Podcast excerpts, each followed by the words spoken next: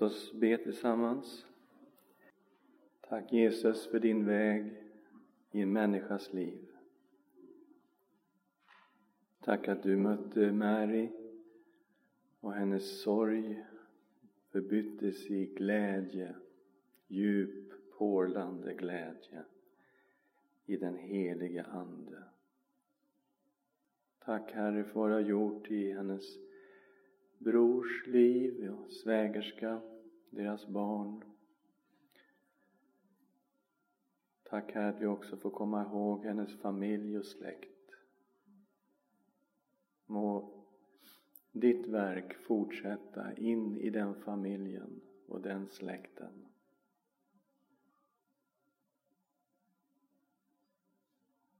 Tala till oss idag från ditt ord vi ber. I Jesu Kristi namn. Amen.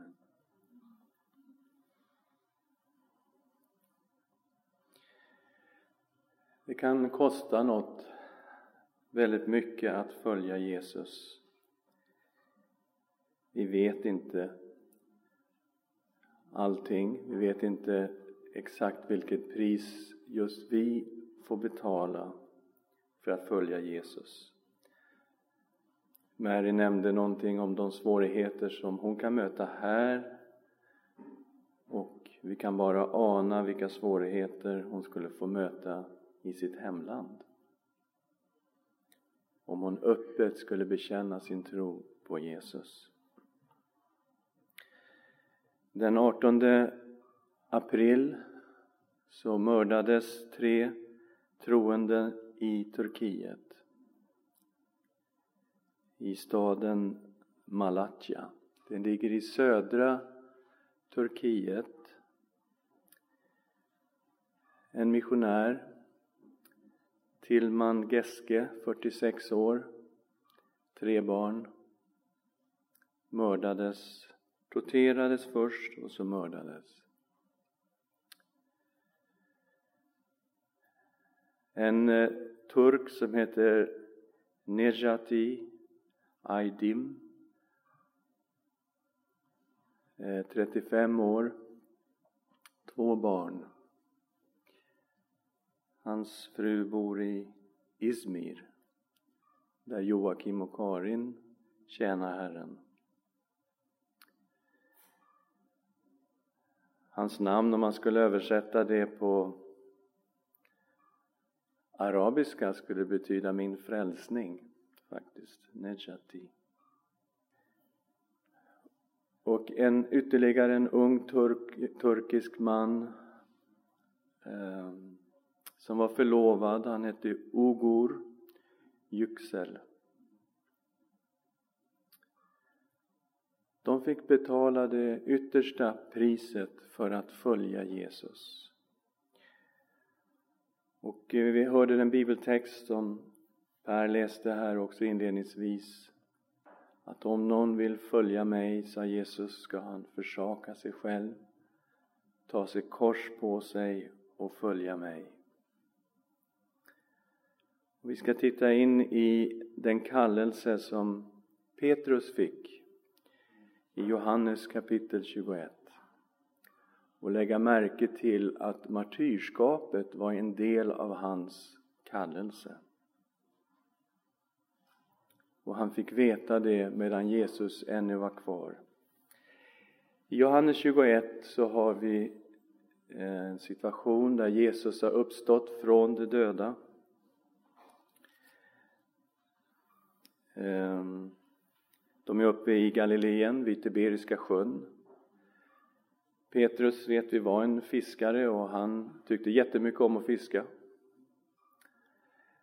Och han sa helt plötsligt att nu, nu ska jag ut och fiska. Är det någon som vill hänga med?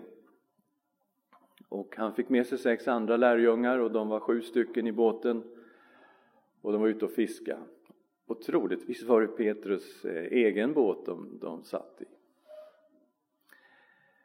Och eh, de hade fiskat hela natten och inte fått någonting och sen då på morgonen så ser de en man stå ja, 100 meter någonting bort på stranden och ropar till dem, mina barn, har ni fått någon fisk, har ni något att äta? Och eh, lärjungarna ropar tillbaka, nej, nej, nej, vi har inte fått någonting, säger de. Och då säger mannen på stranden, så här ska ni göra, kasta ut näten på högra sidan. Och då gör de det. Och helt plötsligt sitter nätet fast. De får inte ens upp det. Det är så fullt med fisk att de inte ens kan dra upp nätet.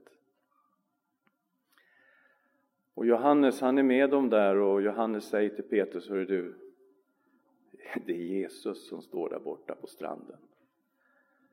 Och när Petrus får höra att det är Jesus så tar han på sig kläderna och så kastar han sig i vattnet och simmar ja, 100 meter frisim, det går undan alltså. Han ska in till Jesus. Och sen drar de upp de här fiskarna när de kommer efter med båten och drar upp dem och eh, det visar sig att det var 153 fiskar i den här båten. Eller i näten. Och nu kommer en kallelse till Petrus. Jesus ska tala med Petrus. Och när Jesus talar med Petrus då är det just det här med fisk det handlar om. Första gången han kallade honom så var det likadant. Att Jesus gick längs stranden och så skulle han predika och då steg han i en båt. Och så var det Petrus båt och undervisade folket från Petrus båt. Sen när han var färdig så sa han till Petrus Hörru du, jag tycker du ska ta ut båten igen och så ska du kasta näten på djupet. Ja men sa Petrus, hallå, jag har ju hållit på hela natten, jag är ju yrkesfiskare, jag har inte fått någonting, det finns ingen fisk nu. Men på ditt ord, jag har lyssnat på det nu, på ditt ord ska jag göra det här. Och Petrus kastar i näten och det blir smockfullt med fisk. Så mycket fisk att han fick ta hjälp av en annan båt och i den båten fanns två bröder, Sebedeus söner, Jakob och Johannes. Så där i de där två båtarna fanns Petrus, Andreas, Jakob och Johannes.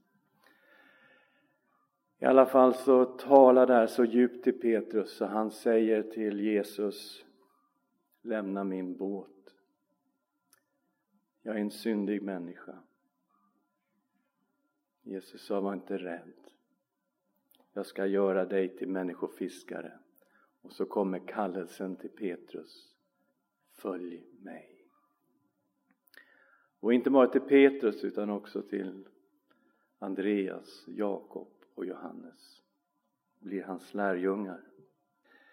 En annan gång så var det någon som frågade Petrus, det var han i Kapernaum också uppe vid Galileiska sjön. Det var en som kom och frågade, är det inte så att eh, Jesus betalar tempelskatt?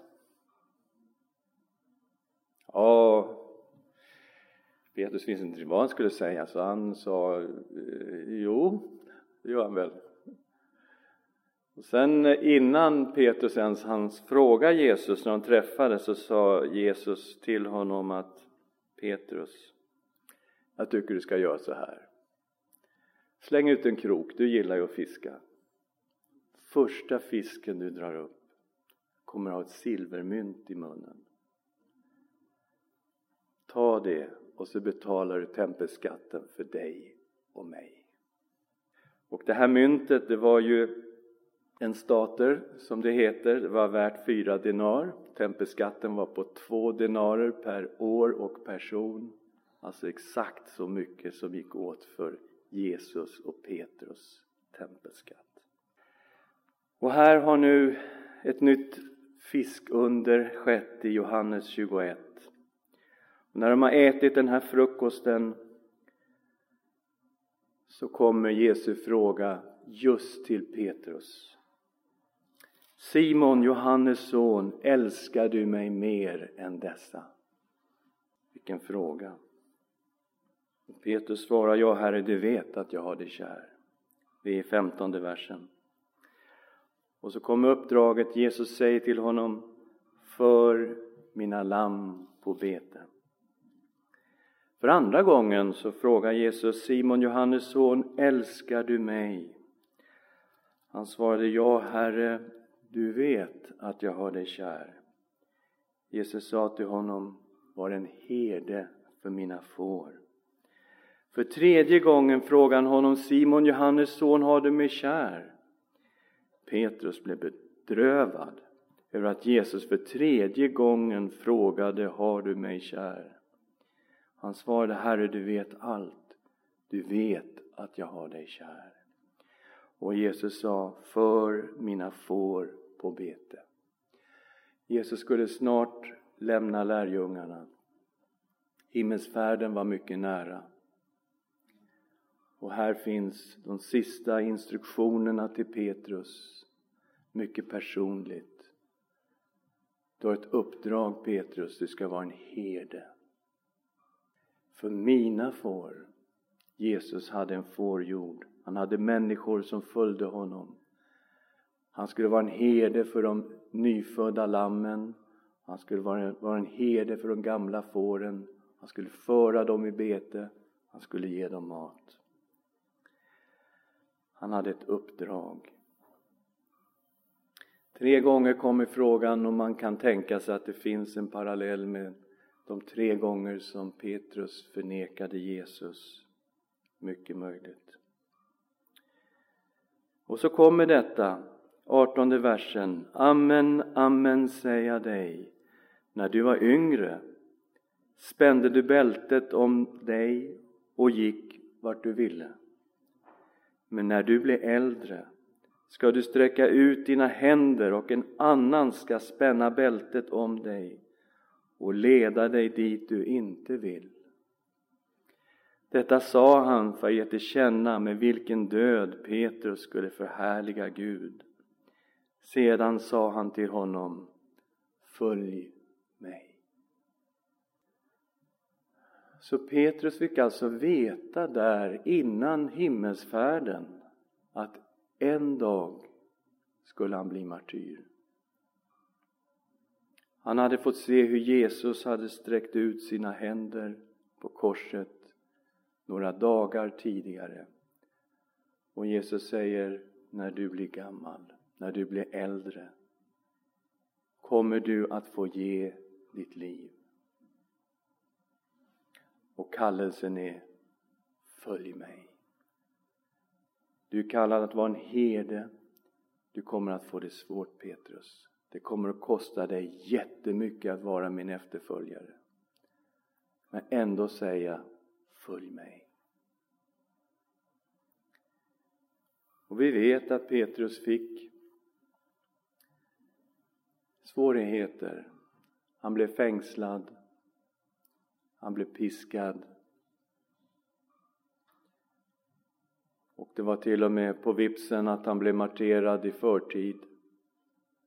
Ungefär tio år efter det här, år 44, så fick Jakob, Johannes bror, ge sitt liv. Halshuggen av Herodes. Och eh, när Herodes märkte att det här gillade den religiösa eliten i Israel, då tänkte han det här var ju bra, jag tar Petrus också. Så tog han Petrus och satte honom i fängelse. Men det var påsk så de hade ingen omedelbar rättegång. Och så väntade de till efter påsken skulle de ställa Petrus inför rätta och då var det hans tur att få ge sitt liv. Men eh, människor bad och det hände någonting makalöst. En Herrens ängel kom rakt in i fängelset där han låg och sov mellan två vakter och hade kedjor. Och ängeln säger till honom, stå upp och gå.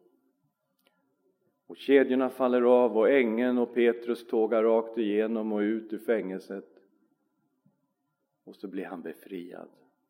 Han är efterlyst i Jerusalem så han drar sig därifrån och gömmer sig i Caesarea. Det var inte dags, det var inte då. Jesus sa, när du blir gammal, när du blir äldre, då kommer du att ge ditt liv. Och vi vet att Petrus ungefär 20 år efter det här, i mitten av 60-talet, blev martyr i Rom, korsfäst enligt traditionen upp och ner med huvudet ner, fötterna upp. Av eget val att han ville inte ha äran att bli korsfäst som Jesus. Så Jesus sa till Petrus, följ mig, det kommer att kosta mycket att vara min efterföljare. Petrus vänder sig om och får se den lärjunge som Jesus älskade, som är Johannes då, är Johannes själv. Och det var han som vid måltiden hade legat vid Jesu sida och han frågade Herre, vem är det som ska förråda dig? När Petrus fick se honom frågade han Jesus, Herre, hur blir det med honom? Okej, nu har du berättat för mig mitt uppdrag. Du har talat om att jag ska bli martyr. Och så tittar Petrus på Johannes och så ställer han frågan, men hur går det för min bror här? Och Jesus svarar, om jag vill att han ska vara kvar tills jag kommer, vad rör du dig? Följ du mig.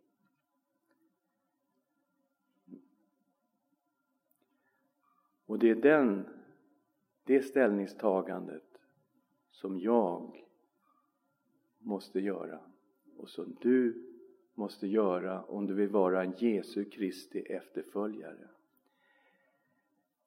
Det är inte säkert att det kommer att hända med oss som det hände med syskonen i Malatja den 18 april som fick betala det yttersta priset samma pris som Petrus fick betala. Vi kanske får dö en naturlig död som faktiskt aposteln Johannes fick göra, den enda av Jesu tolv apostlar som inte blev martyr. Johannes. Men frågan finns ju där. Vill du följa?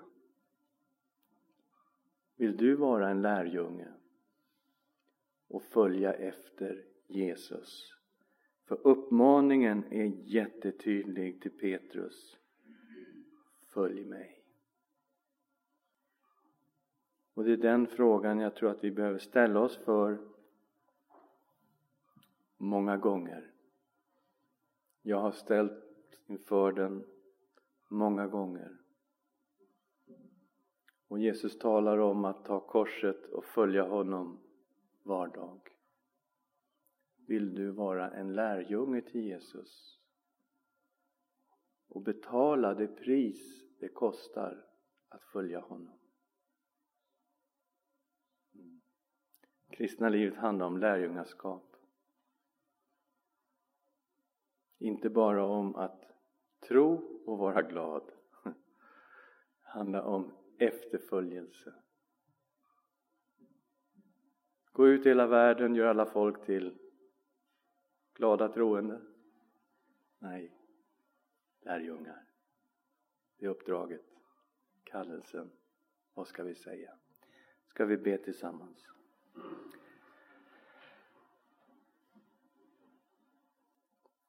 Vi tackar dig Herre för dem som har stått fasta Vi tackar dig för martyrerna.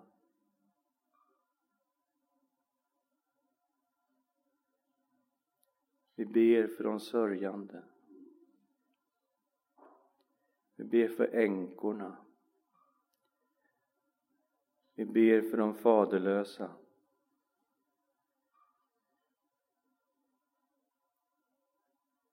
Gode Gud, möt dem i deras sorg. Möt dem med deras saknad.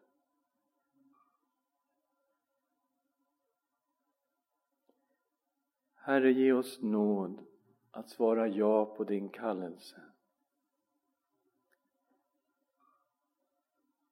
Ge oss nåd att vara dina sanna efterföljare, dina lärjungar.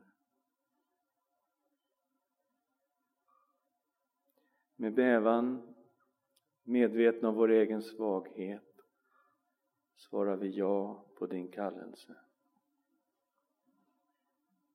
Vi vet att du är med oss alla dagar till tidens slut. Oavsett hur det slutar för oss, men du är med alla dagar till tidens slut. Vi tackar dig. I Jesu Kristi namn. Amen.